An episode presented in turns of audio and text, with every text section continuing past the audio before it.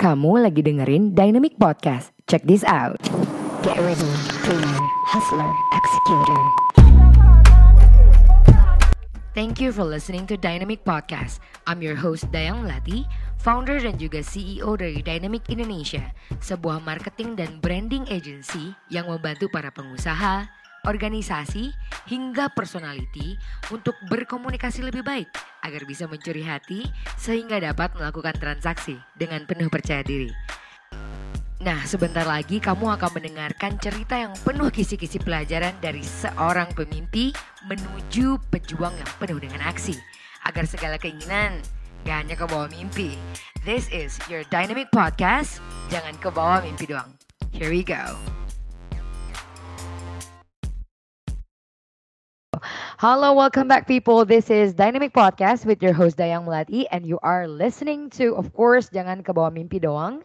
Um, this podcast supported and empowered by Dynamic Indonesia, sebuah digital marketing dan branding agency. Nah, kali ini um, ini podcast yang uh, gue personally sangat butuh karena ini kita akan ngobrol sama ciwi-ciwi cantik ya dari seluruh penjuru Indonesia. Nih kali ini kita ramean nih untuk kali ini nih. So I'm I'm I'm I'm looking forward for this session karena kali baru kali ini kita interviewnya rame-ramean. So kita coba aja ya kita sapa guys kita dari dari mana? Ayo langsung perkenalkan diri aja ya. Ada dari Support Circle. Halo semuanya, apa kabar? Ya, Halo boleh, guys. Ini boleh gak sih ngomong guys? Kayak aku ya, kenal aja ya, sama audiensnya.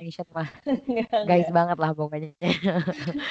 Silakan. Okay, uh, Nama aku Alifa, uh, sekarang kerja jadi product manager di Kita Bisa. Uh, dulu waktu tahun 2018, aku bikin si support circle ini uh, sama Dea, tapi dia nggak bisa ikut hari ini. Nah, uh, sekarang tuh biasa uh, yang banyakkan ngurus itu uh, Kak Dea sama Lita sama uh, sama Adin karena aku sambil kerja lah sambil S2 jadi kayak udah nggak mungkin nggak mungkin kekejar gitu. Oh my god. Itu. Gila lu oh. Wonder Woman banget sih. Berarti lu aku, kerja, lu S2 dan juga nyambi-nyambi di support circle nih.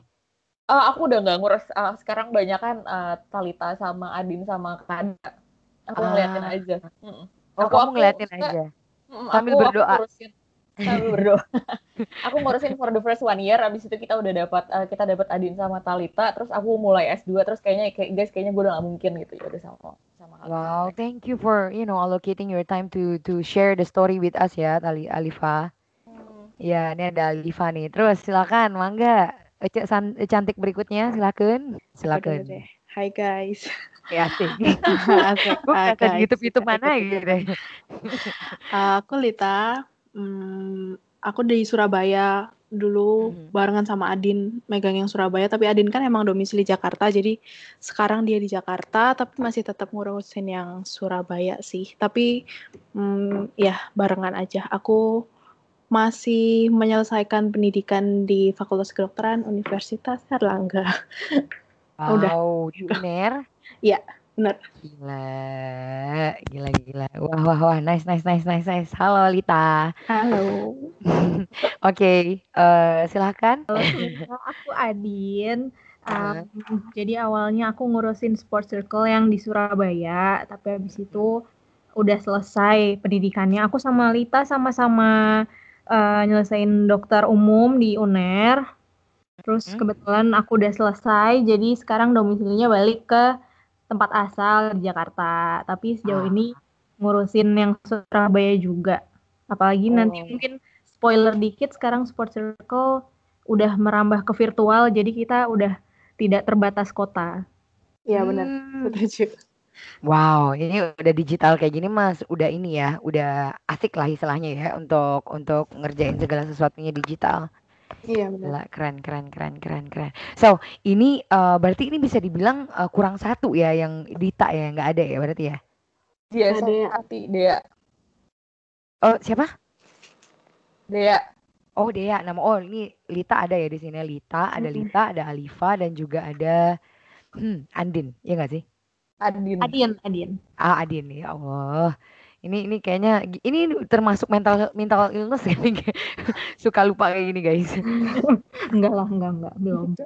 oh my god, oh belum. Oke, okay, anyway, um, let's start our uh, first question uh, with gratitude sih sebenarnya.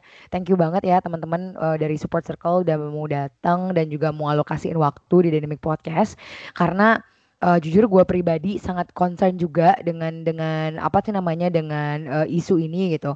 Karena um, gimana ya uh, kita yang di dunia digital gitu kan uh, dengan uh, kalau lu pada nonton social dilema gitu yang di Netflix itu juga bener-bener it's so real and sometimes it concern me myself gitu. Kayak gimana aduh semuanya diobrak-abrik dengan dengan sosial media orang bisa gila bisa bunuh-bunuhan dan sometimes they don't feel like they actually have the illness. Um, untuk memulai itu thank you.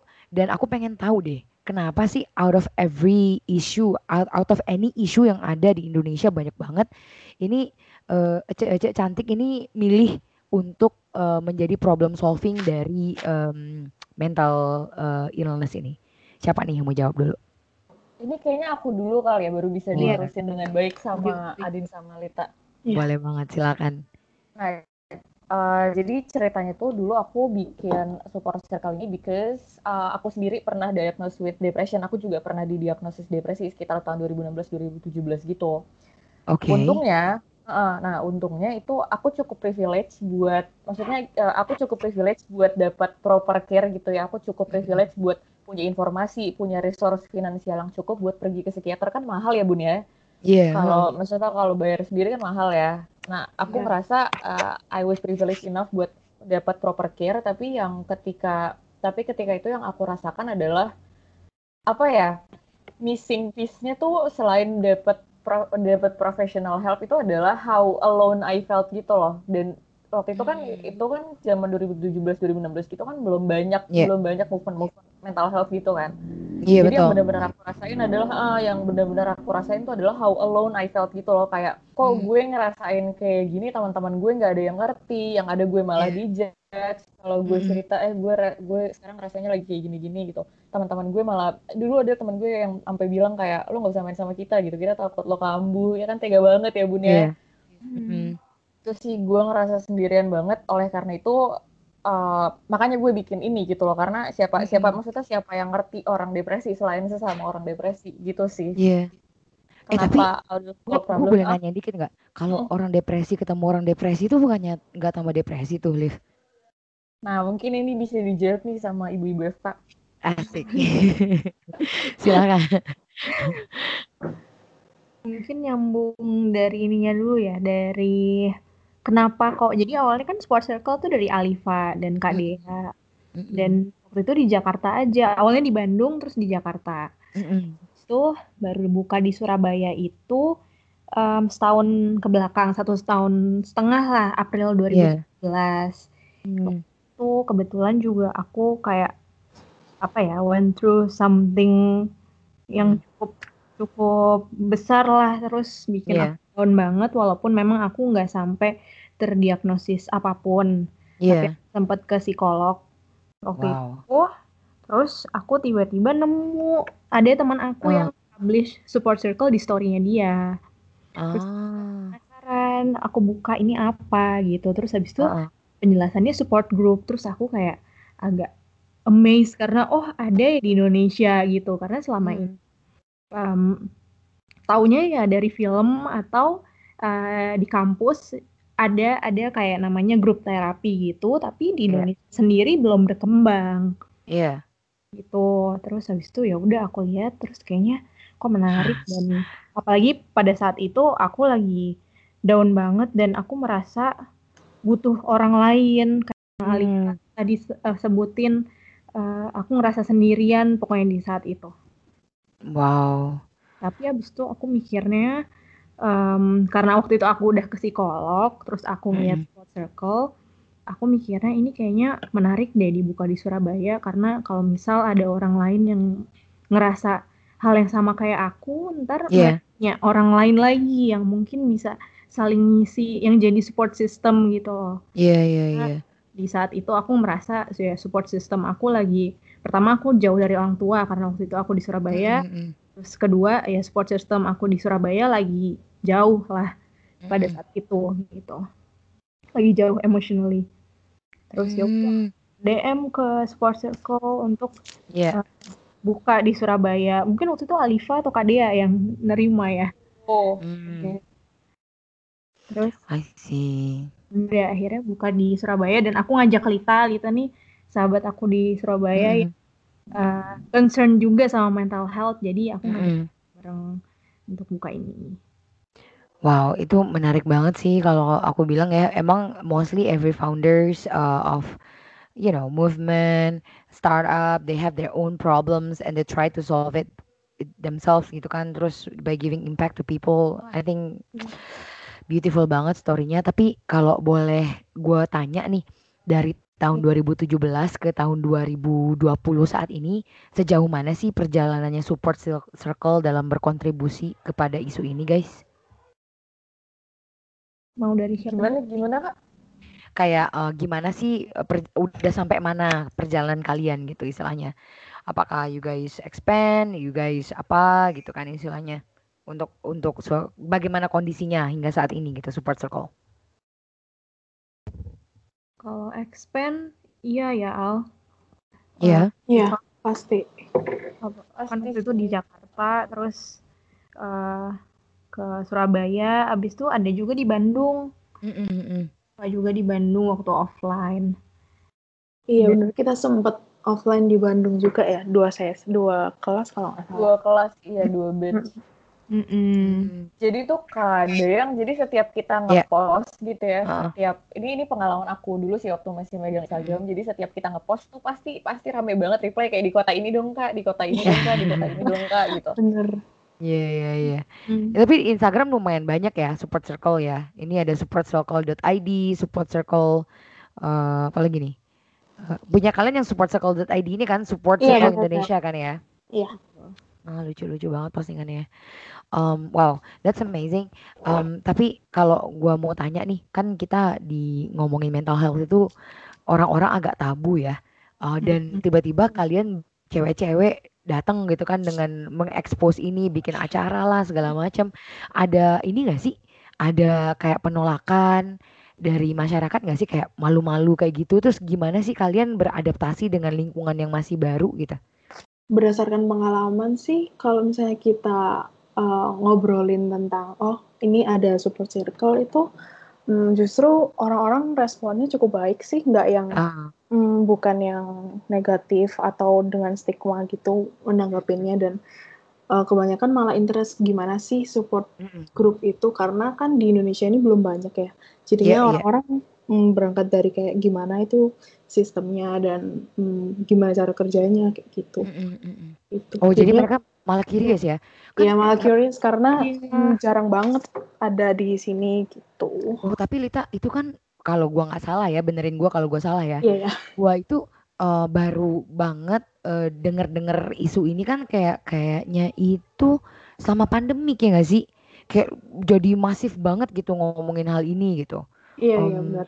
Kayak gila-gilaan banget. Atau mungkin sebelum pandemik dikit lah awal-awal 2020 gitu kan orang-orang udah ngomongin self love, udah Iya. ngomongin ini di satu persen juga pernah ngobrolin ini gitu kan.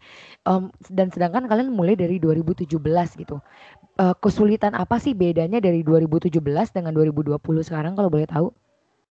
Eh, Um, by the way, aku mau revisi dulu nih. Kita Ya. nggak mulai dari 2017, Iya. 2017 Oh my God. diagnose. Kita mulai Oh, dari sorry. 2019. Oh, oke oke oke oke. Heeh. Beda nggak 2019 sama Iya. 2020? Mungkin kalau Hah? sekarang karena kondisinya pandemi, semua orang di rumah, Iya. ah, terus em, orang-orang pasti lebih banyak buka sosial media daripada kemarin-kemarin ya, karena Iya. kemarin-kemarin kan em, WFO dan segala macam. Mm, mm, mm, mm. Em, mungkin sekarang bener lebih rame orang bahas tentang self love, tentang Iya. raising awareness di mental health. Heeh. Nah, pada saat yang sama orang-orang juga ngerasain ngerasain hal-hal yang mungkin mulai mengganggu sekarang karena di kan ke distract sama kerjaan atau bisa pergi Mm. keluar, bisa pergi liburan. Iya. Mungkin tapi kalau dari support circle sendiri sejak awal mulai itu Mm-mm. Udah cukup baik sih responnya. Maksudnya nggak Mm-mm. ada yang kita belum pernah, alhamdulillah belum pernah sejauh ini kayak dapat respon yang menolak atau Hmm. hmm, apa namanya eh kayak nanya ini apa sih kenapa sih ada kayak Iya. gitu nggak ada sih jauh ini Hmm. kalau dari Rita mungkin Mm-mm-mm. Eh, kalau aku tadi dengar ceritanya Alifa kan dia mulai karena ada eh, dia didiagnosa depresi kan ya. Tapi selama kalian dari 2009 ke dua- 2019 ke 2020 ini eh, masalah apa sih yang common atau sering terjadi di support circle ini? Yang apa sih yang lebih sering diobrolin biasanya? Oh, Ayo Ayo loh. siapa dulu nih? Bebas. Cie. Ah, aku pengen dengar Adin dulu deh, silakan. Oke. Em, kalau sejauh ini di support circle karena kita baru buka batch-nya juga em, melingkupi dua diagnosis, depresi dan gangguan cemas atau anxiety. Mm-mm. Eh, sejauh ini paling common membicarakan soal kenapa kok bisa sampai eh, jatuh ke depresi atau biasanya apa sih kalau misalkan di batch yang anxiety biasanya apa sih yang bikin cemas kenapa sih awalnya kayak gitu sih Oh gitu ya. Jadi emang mengulik kenapa ini bisa terjadi di kita gitu ya. Iya, kita eh, untuk eh, agar agar partisipan bisa terbuka, awalnya kita pasti mengulik kenapa dulu. Kalau misalkan partisipan mau cerita secara detail tuh nggak apa-apa. Tapi kalau mau se- surface-nya doang juga nggak apa-apa. Tapi eh, salah satu poin penting sih itu untuk mengerti kira-kira apa sih yang mengawali em, bisa sampai terdiagnosis depresi atau mungkin merasakan gejala-gejala depresi ataupun anxiety. Hmm. Oh gitu ya. Em, kalau dari Alifa sendiri nih, Liv, em, tadi kan lu lu kan pernah didiagnosa, terus eh, you know have some a- adalah curable-nya gitu kan istilahnya gitu. Bi- bisa sharing gak sih eh, ke kita gitu? Jujur ya, gua sebagai orang awam itu tuh nggak bisa ngebedain kap hmm, sebenarnya depresi tuh kayak gimana sih gitu. Sa- kebayang gak sih kayak eh, karena sometimes for people yang um, high intensity kayak very busy gitu kan they don't have time to feel that kind of feeling gitu. Which is is it an illness? Gimana Liva silakan Liv Hmm, ini agak tricky sih jawabnya. aduh Jadi gue suka nih tricky-tricky nih aku nggak bisa jawab dari sisi medis ya. I'm not, uh, ah. I'm not a medical aja. professional. Aku nggak, aku nggak bisa, aku nggak bisa menegakkan kayak depresi itu. Maksudnya ada definisi definisi bakunya tuh ada kayak misalnya depresi itu perasaan apa lebih dari berapa hari gitu. De- Ah. Definisi bakunya tuh ada. Jadi tapi aku cuma bisa cerita aku yang dulu aku rasain tuh apa. Yang dulu Ah, aku oke. rasain tuh adalah kayak aduh kok aku worthless banget ya. Kok kayaknya semua hal di sekeliling aku tuh nggak ada gunanya ya. Kok kayaknya kalau Hmm. misalnya pun aku mati sampai-sampai kayak gini gitu pikirannya. Sama kok kayaknya Wow. kalau aku mati kayaknya nggak bakal ada yang sedih ya. Apa aku mati aja ya? Apa aku bunuh diri aja ya? Sampai kayak gitu gitu pikirannya. itu kenapa indikasinya kalau boleh tahu kok bisa berpikiran seperti itu Hmm. karena Agak feel alone tadi itu kah Gimana gimana? Bukan, jadi feel alone itu adalah perasaan yang aku dapat ketika misalnya aku udah mulai ngerasain pikiran-pikiran aneh kayak gitu, misalnya aku udah mulai spiraling Ah. down kayak gitu, tapi aku mau cerita ah. sama siapa yang akan ngerti gitu loh. Itu baru itu baru Ah. feeling alone tuh di situ setelah. Jadi feeling alone tuh Iya, setelah iya, iya. feeling alone tuh setelah tapi eh, tapi Oke. dan harusnya ini general sih. Jadi semua orang depresi yang aku ajak ngobrol sih perasaannya sih kurang lebih sama gitu, yang ngerasa worthless, ngerasa duh apa gue mati aja ya, duh kayaknya kalau gue nggak Wow. di sini juga nggak ada yang sedih kenapa Wow. yang kenapa yang gue kerjain gagal semua kenapa gue ya kenapa gue kenapa gue itu bukan teman yang baik kenapa gue nggak Iya. punya orang yang baik kenapa gue nggak punya teman kenapa gue nggak punya pacar kenapa kenapa kenapa gitu Wow, ini berat banget ya dengernya ya. Iya. Well, sometimes that happen juga ya ke many people gitu. Tapi kalau gua pengen tanya ke Lita nih ya, um, so far nih Lit, um, dari dua tahun, almost dua tahun kamu berjalan di support circle, itu dampak positif yang bisa terlihat dari support circle yang udah gabung di support circle itu apa Li- Lit? Em, kalau dari pertama kan aku uh, handle tuh di sesi offline yang paling aku rasain itu Iya. um, mereka jadi punya teman dan Mm-mm. oke mereka kadang datang itu dengan alasan mereka pengen cari support system yang ngerti Hmm. mereka kayak yang tadi dibahas dan mereka mendapatkan itu dari teman-teman yang daftar di dalam satu sesi itu gitu jadi Iya. uh, mereka benar-benar bisa berkembang bareng mereka jadi suka hmm, belajar bareng gimana cara improve diri mereka biar uh, pikiran-pikiran yang kurang baik itu nggak datang lagi ke mereka gitu karena kayak um, suka ngikutin mereka juga di Iya. uh, postingan media. mereka iya Hmm. sosial media terus mereka sering banget uh, posting dan uh, itu pun bertema kayak aku hari ini Hmm. belajar sama ma- uh, sama kakak ini tentang Hmm. bagaimana sih biar uh, rasa ini biar tetap tenang terus pikirannya kayak gitu jadi Iya. mm, itu pun juga ngasih kebahagiaan gitu buat diri sendiri kayak Iya, iya, iya. Wow. aku bisa membantu orang dengan hal yang sekecil ini gitu Wow. Yes. Oh, Lita, thank you. Sedih Aku terharu banget. Nah, kan pasti gini nih, aku pengen tanya ke Andin nih sekarang. Andin, em, kamu kan yang sekarang eh, aktif nih istilahnya membangun support circle sampai saat ini ya. Terus eh, pasti banyak dan ini pasti nggak mudah lah istilahnya gitu. Kira- Kira-kira ki- kamu bisa share nggak sih tips ke kita?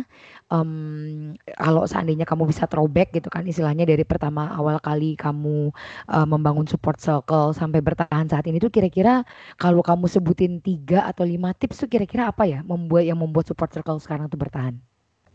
Wow. Apa ya? Wow. 3 sampai 5 Aku ya. suka dari bilang wow. Pertanyaan yang sulit. Oh, oke. 3 sampai 5 tips. Em, kalau support circle sendiri pertama mungkin kita kita memang menargetkan eh, segmen tertentu Mm, yang mungkin emang butuh ini. Karena mm. karena eh, pun eh, tentang support group ini sebenarnya ada penelitiannya. Ah, dari secara dilihat secara medis ya. Jadi jadi emang pada pasien atau uh, kita pakai istilah orang aja, ya, orang dengan um, dengan masalah mas- uh, masalah atau problem mental health itu biasanya tidak hanya butuh tenaga profesional untuk me- membantu mereka dalam proses penyembuhan, tapi juga mm, butuh support system. mm. Oke, berarti kamu memang memilih eh, target market yang spesifik. Terus yang Ya, kedua emang eh, mengetahui banget ya kebutuhannya mereka apa gitu kan ya. ya Oke. lebih kayak Terus? gitu. Terus yang ketiga mungkin uh, kita juga pada saat sesi itu kan setiap sesi kita ada tenaga profesionalnya entah itu psikolog atau psikiater dan kita dari support circle bertugas sebagai fasilitator pendamping dan di sini kita Hmm. uh, kita mungkin punya kewajiban untuk encourage partisipan atau uh, wajib juga untuk tidak menjudge apa pun cerita mereka. Jadi Ah, kita memprovide lingkungan untuk bercerita yang senyaman mungkin, yang seaman mungkin. Wow. Nah, itu penting banget sih rasa aman dan nyaman tuh. Kalau Iya. nyaman tuh susah biasanya lepasnya tuh. Loh. Pengalaman kayak gitu. Aduh. Oke, berarti yang ketiga tuh emang rasa aman dan nyaman ya di, di, di dalam sebuah lingkungan. Oke. Ada lagi nggak kira-kira? Mungkin mainnya tiga itu kali ya. Dan oh iya sama kita juga menitik beratkan kalau sesi kita ini bersifat rahasia. Jadi di awal itu kita Ah. kasih inform consent, kita kasih Mm, lembar uh, persetujuan yang di situ Ya. juga kita uh, nge-state kalau uh, sesi yang dilangsungkan itu rahasia, nggak akan keluar ke mana-mana dan cukup di antara partisipan dan fasilitator yang ada di sesi itu gitu. Oh gitu. Aku jadi jadi nak jahil deh pengen nanya pernah bocor nggak sih gitu? Bocor dalam arti apa nih? Ya maksudnya oh eh, ternyata jadi banyak yang tahu gitu. Oh, kalau itu sih kalau dari kitanya sih enggak ya. Maksudnya dari support circle-nya sendiri, kadang malah ada partisipan yang emang cerita. Kalau kayak kata Lita tadi, Iya iya iya. mereka yang mereka sendiri yang cerita, tapi mereka cerita dari sisi positifnya kayak betapa Oke. progres apa sih yang mereka rasain selama di support circle waktu itu pernah juga sih ada yang cerita kayak panjang banget di story kalau Wow. dia lagi ikut ini apa aku lagi ikut ini dan aku ngerasain gini gini gini Sumpah. Iya. ada gini gini gini Oh my god. Wow, keren banget. iya seneng sih Oh. seneng banget seneng banget Iya, ngefek banget ya, Lita ya. Terus aku pengen nanya deh ke Alifa. Liv, kamu kan eh, ini ya istilahnya kayak found, founding mother lah istilahnya pertama-tama kali dulu gitu kan. Em, bisa jelasin gak sih ke kita kalau seandainya orang yang pengen join ke support circle tuh eh, journey-nya tuh kayak gimana sih? Apa aja sih yang harus mereka lakukan sampai mereka kelar gitu? Eh, Oke, mesti ngapain aja ya? Eh, by the way, Ya. eh, tadi ada pertanyaan, ada satu pertanyaan Kak yang, yang belum dijawab. Kalau orang depresi, orang depresi ngumpul apa enggak tambah down? Nah, tadi kan udah dijelasin Oh, sama Lita bahwa orang depresi, orang depresi ngumpul ini ada psikiater di tengahnya. Ada psikiater di tengahnya ah, dan ada fasilitator dari kita. Jadi eh, nggak akan oke. ke mana-mana gitu. Heeh. Mm-mm. Pernah kita pernah coba, mencoba ngumpulin orang depresi, orang depresi aja dan betul sih kata Kak Dali yang bahwa itu jadinya akan spiraling down gitu. Tapi selama ada psikiater harusnya nggak nggak kenapa-kenapa sih. Ah, ini nih goodnya guys, kalau kalian join support circle nih, gue suka. Gimana tuh? Kalau aku pengen join nih ke support circle, gimana tuh, Liv? Oh, nah kalau misalnya join ke support circle, jadi pas kita ada opening batch, uh, nanti Hmm? orang tuh register gitu. Nah, terus habis itu, uh, jadi pas, jadi kan pas register itu kan registernya dengan isi form kan. Ya. Nah, di isi form ini kita ada kayak screening buat baseline keadaannya dulu gitu loh. Nah, kita tuh pakai Bex, Uh-uh. de- Bex, uh, apa sih namanya, Bex Depression Inventory 2. Itu ada kayak Oh, matrix, matrix uh, psikiatri gitu buat ngukur sepa- keparahan depresi gitu ke ada yang. oke. Jadi kita Wow, tahu bahkan ada sistemnya dan di gradingnya juga ya, gila, keren. Terus, ada kita kita tahu gitu kayak oh masing-masing orang tuh baseline-nya seperti ini gitu. Eh, biasanya sih eh nah terus nanti kan biasanya sih biasanya tuh yang mendaftar tuh lebih banyak dari ini sih. Biasanya yang mendaftar selalu lebih banyak dari kuota sih dan kita milihnya ya kita kita rank kita ranking gitu. Ini yang yang mana yang parah dulu gitu. Yang mana yang parah dulu kita kita masukin duluan aja. Takut kenapa-kenapa kan kalau udah parah gitu, maksudnya iya, iya. kecenderungan bunuh dirinya tinggi terus ya udah kita pengen maksudnya Eh, mereka tapi yang satu parah batch gitu. berapa, Liv? Berapa orang satu batch? Satu batch tuh bisa 8 sampai 10 orang. Oh, wow, Hmm. oke. Itu kalau Yang daftar selalu berlebih ya. itu Yang daftar selalu banyak ya. Wow, gila. yang daftar tuh bisa kayak 20 orang gitu dalam 15 menit. Jadi kayak Wow. jadi langsung gitu. Biasanya habis kita daftar dipantengin dipantengin bener-bener terus langsung di-cut gitu sih. Oh gitu. Oke, terus eh, jadi udah di grading tadi mereka dan pilih yang parah-parah. Aduh, aduh. Terus apa lagi? Udah sih basically gitu aja sih. Nah, terus habis itu dihubungin kayak halo selamat datang gini gini gini Mm-mm. ini kalau misal offline kayak ini tempat dan waktu gitu. Sih.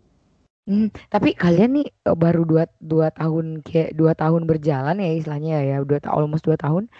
Em, apa sih kendala terbesarnya dan gimana kalian menyelesaikan masalahnya? Soalnya pasti kan ada juga tuh guys kayak teman-teman Dynamic Nation di luar sana yang mungkin bikin movement gitu kan, atau bikin kayak grup support system eh, di tempat kuliah atau kayak founder-founder atau online shop group yang emang literally ngumpul-ngumpul bareng gitu kan kayak cerita-cerita. Itu apakah itu juga merupakan support system? Dan apa sih kendalanya? Ya, tadi itu pertanyaan pertama gue itu ada itu sih. Apa sih kendala yang udah lu hadepin dan eh, dan bagaimana survive dari itu gitu? Mungkin dari kendalanya adalah hmm, selama mengolah datanya ya mungkin kalau misalnya ngomongin ngehubungin orang-orang itu nggak yang terlalu bermasalah karena eh, lebih berat di ngolah datanya untuk hmm, gradingnya terus kita juga konsul ke fasilitator kita psikiater atau psikolog itu eh, tentang eh, psi- apa peserta yang daftar. Jadi ini Hmm, baiknya pesertanya gitu. Hmm, kok kok aku nggak ngerasa ada yang terlalu diberatkan ya? Wih, berarti mulus banget ya perjalanannya. kalau ini kali ya, kalau yang virtual sekarang kan kita em, kita kayak gini, kita eh, virtual meeting gini pakai Iya. video, terus paling kendalanya tuh di sinyal. Kalau misalkan ada apa-apa tuh, kan kadang Oh, kalau kalau kalau offline ketemu langsung kan kalau ngobrol ya udah enak aja kan langsung tanpa Heeh. delay, tanpa eh, ada ada gangguan sinyal. Nah, kadang kalau misalkan lagi lagi jelek sinyalnya itu lebih ke kendala teknis sih sebenarnya. hmm, sebel sih kalau seandainya lagi asik-asik cerita terus ternyata keputus gitu kan ya Iya, halo iya. halo gitu. Karena Kayak apa enak banget. kan lagi pandemi juga jadi pasti Iya. via Oh, virtual.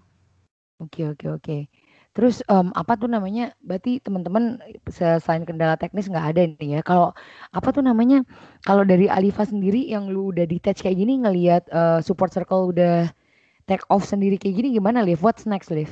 Kalau aku sih uh, kalau misalnya uh, perasaannya gimana ya senang sih berarti maksudnya oh aku nggak sendiri dan apa ya apa ya rasanya hmm. kayak jadi kayak emang masalah yang kita lagi pengen solve ini masalah beneran gitu loh bukan bikin-bikin ah, iya, emang iya. banyak orang yang rasa sendiri di luar sana tuh demandnya tuh selalu tinggi sih setahu aku tuh ya walaupun ah. follower ah. di Instagramnya masih dikit tapi ya yeah. demandnya tuh selalu tinggi gitu loh demandnya wow. tuh selalu tinggi kayak gitu uh terus habis itu uh, what's next gak tahu sih kalau aku sih ngerasanya ini kan lebih banyak Adin sama Lita sama Kadea sih tapi kalau yeah. kalau dari aku sih aku sih ngeliatnya kayak udah we just, we're just keep we will just keep doing whatever we're doing right now sih gak tahu Adin sama Lita gimana oh. pengennya sih uh, uh, merambah lebih banyak kan sekarang kita um, lagi buka batch 4 grup langsung. Sebelum-sebelumnya yeah. tuh iya. kayak kita dua grup. Iya, iya, iya. Kan waktu awal cuma satu grup gitu. Mm -hmm. Ini menurut kita udah cukup progresif sih karena ke, uh, topiknya juga mental health dan yeah. dan sebenarnya kalau misalkan belum terbiasa uh -huh. dalam sesi di tengah-tengah orang yang mungkin butuh butuh dukungan banget, butuh support banget itu pada awalnya nggak mudah. Pasti pasti kayak agak-agak uh, capek secara uh, secara pikiran tuh uh, jadi capek tuh wajar banget. Uh, uh. Mungkin progresnya nggak uh, yang gimana. What's next?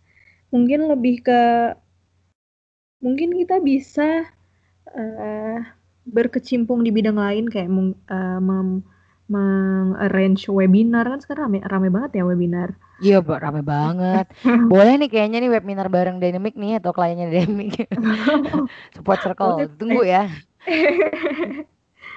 Kayak beneran, sumpah ada banget nih. Baru aja ditanya ini, kita pengen pengen live sama siapa gitu. Uh, pas banget support circle.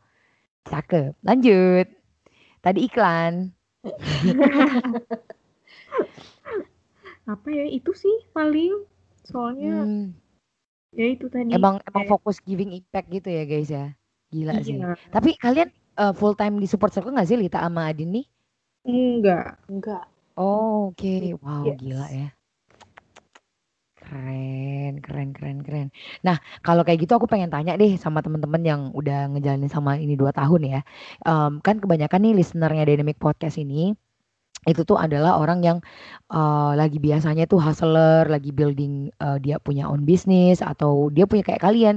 Jadi dia kayak punya uh, dia kerja full time terus habis balik dia tuh bikin online shop atau bikin apa gitu kan istilahnya.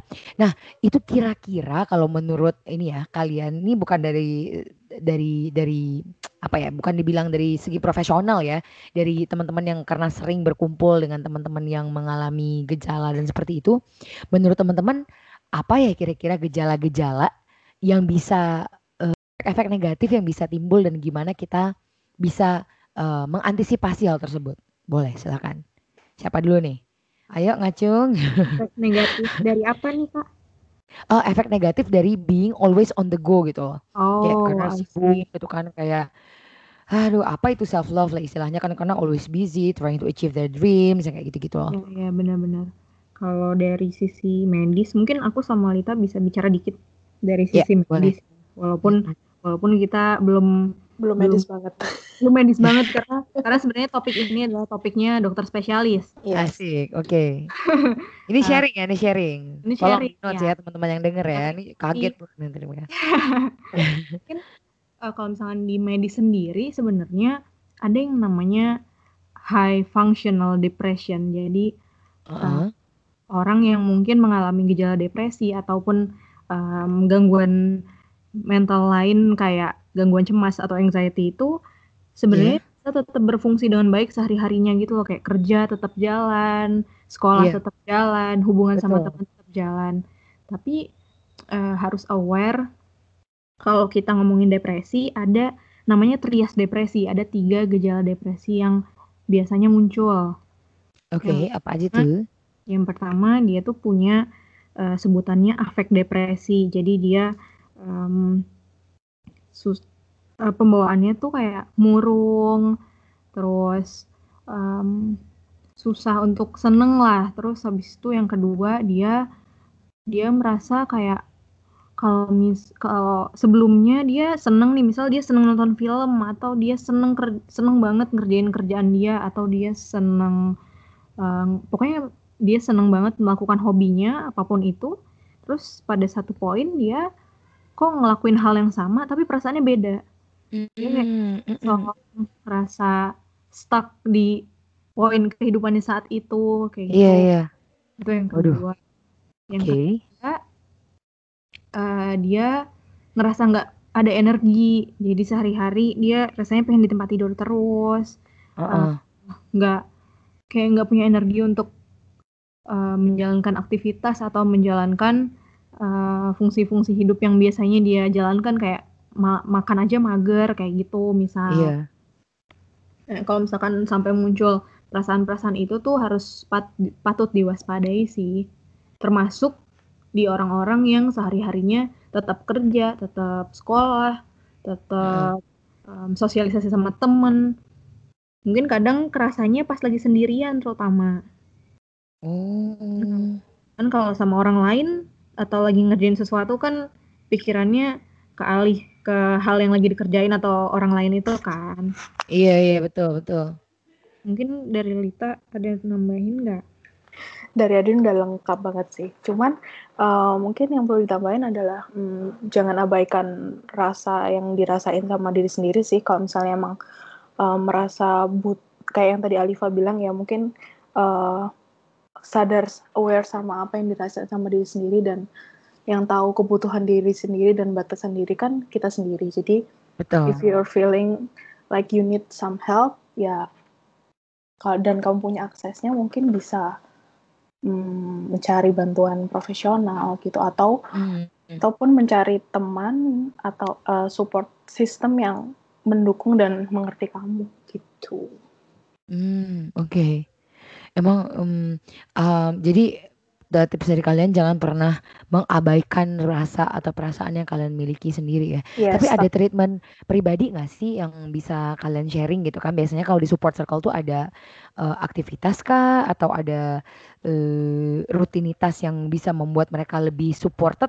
Ada nggak yang kira-kira bisa di eh, sharing ke Dynamic Nation sehingga mungkin mereka bisa lakukan itu di rumah gitu atau setelah dengerin podcast ini? Mungkin kalau yang sehari-hari, eh kalau yang di sport circle kita itu ada eh, minta partisipan untuk ini sebenarnya kayak sederhana ya. Kita minta untuk kayak nulis diary gitu. Jadi setiap hari nulis perasa eh, hari ini ngapain, terus Mhm. perasaan yang dirasain apa. Biasanya kalau misalkan di recall, apalagi baru satu hari itu terjadi ya, harusnya muncul selama selama beberapa hari dia tulis, terus mungkin di akhir minggu dia baca lagi tuh bisa jadi dia ngeh kalau misalkan ada sesuatu yang nggak biasanya terjadi. Iya. Ya, gitu. Mm-mm, mm-mm. Kadang kalau di hari itu aja di momen itu, eh, Iya, iya. jadi nggak sadar kan kadang. Mm-mm. Nah, Ah, iya iya juga sih. Eh, tapi boleh sharing-sharing nggak nih dari teman-teman bertiga untuk close this um, uh, interview ya? Uh, I will ask you guys a little bit um, heavy tips kayaknya ya untuk teman-teman yang mungkin been dan juga udah mungkin berinteraksi dengan teman-teman yang butuh uh, support circle lah istilahnya. Uh, banyak sekali yang aku baca di artikel, um, artikel-artikel update-updatean uh, mental health um, atau apa sih namanya mental illness lah ya. Uh, mereka ngomong masalah how to overcome trauma. Jadi tuh kayak banyak sekali uh, ternyata yang berhada ber apa ya berjibaku atau berperang dengan rasa traumanya sehingga yang kayak ya macam-macam lah ya datang ke dirinya sendiri gitu. Kalau menurut dari teman-teman sendiri apa sih tips untuk ngadepin trauma atau trauma tuh mental illness juga kan ya? Yes, trauma bisa Ah. jadi bisa jadi. Bisa yang jadi ya. Oh, kalau seandainya nih karena kan kita sebagai uh, entrepreneur gitu kan, atau yang dalam menjalani karir banyak seba- sebanyak sekali kita ngadepin kegagalan, ngadepin yang namanya ditolak gitu kan istilahnya. Ya baik secara romansa asik atau secara klien gitu-gitu kan. Yang kayak ah duh gila kayaknya gue traumatik banget gitu. Kira-kira ada nggak sih em, satu atau dua hal yang bisa kita lakukan gitu yang kira-kira bisa overcome eh, mental illness yang kayak gini dari em, apa sih namanya ini tips dari teman-teman aja gitu.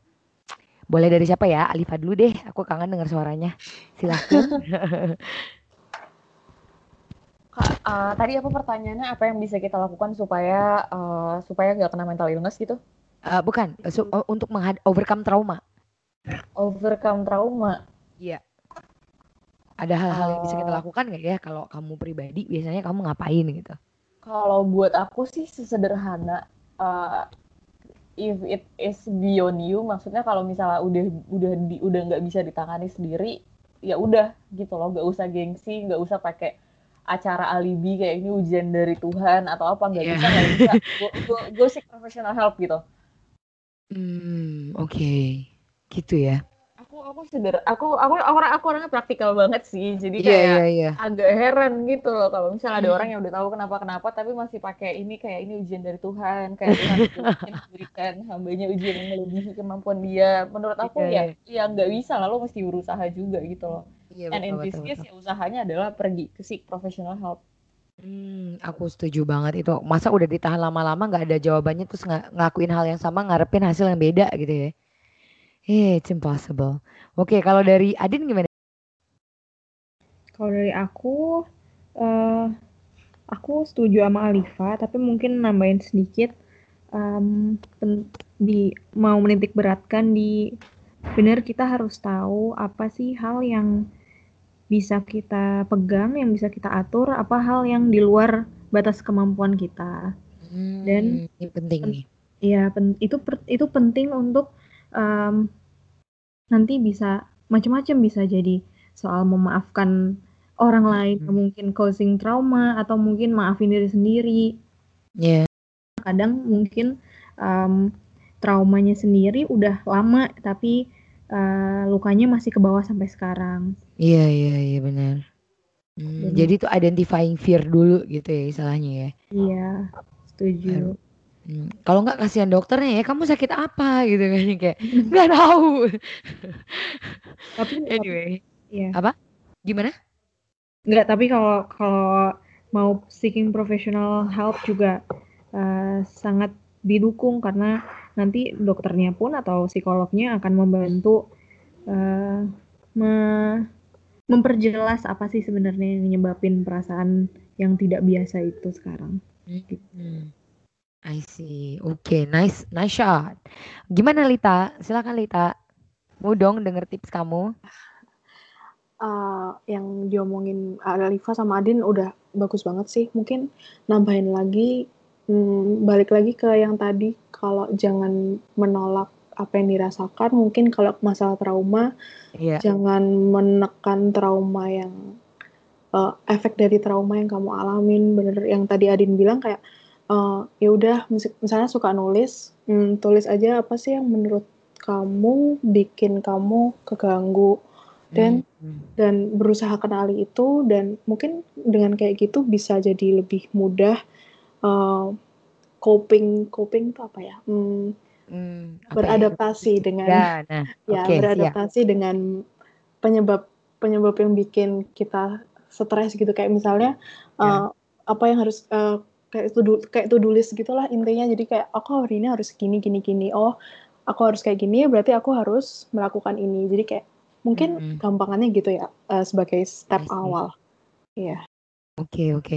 Jadi emang identify kamu sukanya apa, eh, meluapkannya dari situ gitu ya. iya mungkin itu yang bisa dilakuin diri sendiri ya Thank you guys sudah ngobrol bareng kita di Dynamic Podcast. So, nggak kerasa ini udah 45 menit kita ngobrol bareng. wow Eh, founding team thank you banget ya. Kalian juga bahkan ngejawab masalah-masalah personal gue loh. Menginspirasi Dia banget sih. Iya perjalanan kalian. Uh, mohon maaf ya kalau ada salah-salah kata dan uh, itu aja kayaknya dari Dynamic Podcast. M uh, mungkin ini kali ya sebagai closing statement apa nih pesan yang pengen kalian sampaikan kepada uh, support circle team atau support circle yang ingin gabung di support circle. Silakan dari Alifa dulu kali, silakan. Kalau dari aku untuk support circle sendiri semoga tetap um, tetap mendapatkan apa yang selama ini dicari di sports mm-hmm. terus um, tetap bisa terus bisa memberikan manfaat buat orang lain dan semoga mm-hmm. uh, untuk yang pengen join mungkin mm-hmm. itu jangan jangan jangan ragu-ragu maksudnya jangan jangan malu-malu juga kita sangat terbuka kita sangat um, menerima apa pun dari teman-teman ataupun mungkin ada yang mau ngasih masukan atau apa bisa langsung ke Instagramnya Sport Circle di Sport yeah, sportcircle.id ya. Sip, mantap banget. Ini aku ketar-ketir karena laptopnya takut mati. Ini chargernya nggak masuk tiba-tiba. So, uh, thank you ya guys sudah join di Dynamic Podcast. Uh, semoga kita bisa sambung lagi di live ya nanti ya. Live Instagram nih teman-teman. Please accept our invitation. Yes, oke. Okay. thank you itu saja. Uh, mohon maaf kalau ada salah. Saya ada yang melatih dan juga dengan support circle. See you guys again in the next episode. Bye-bye semuanya. Assalamualaikum. Thank you. Thank you semuanya.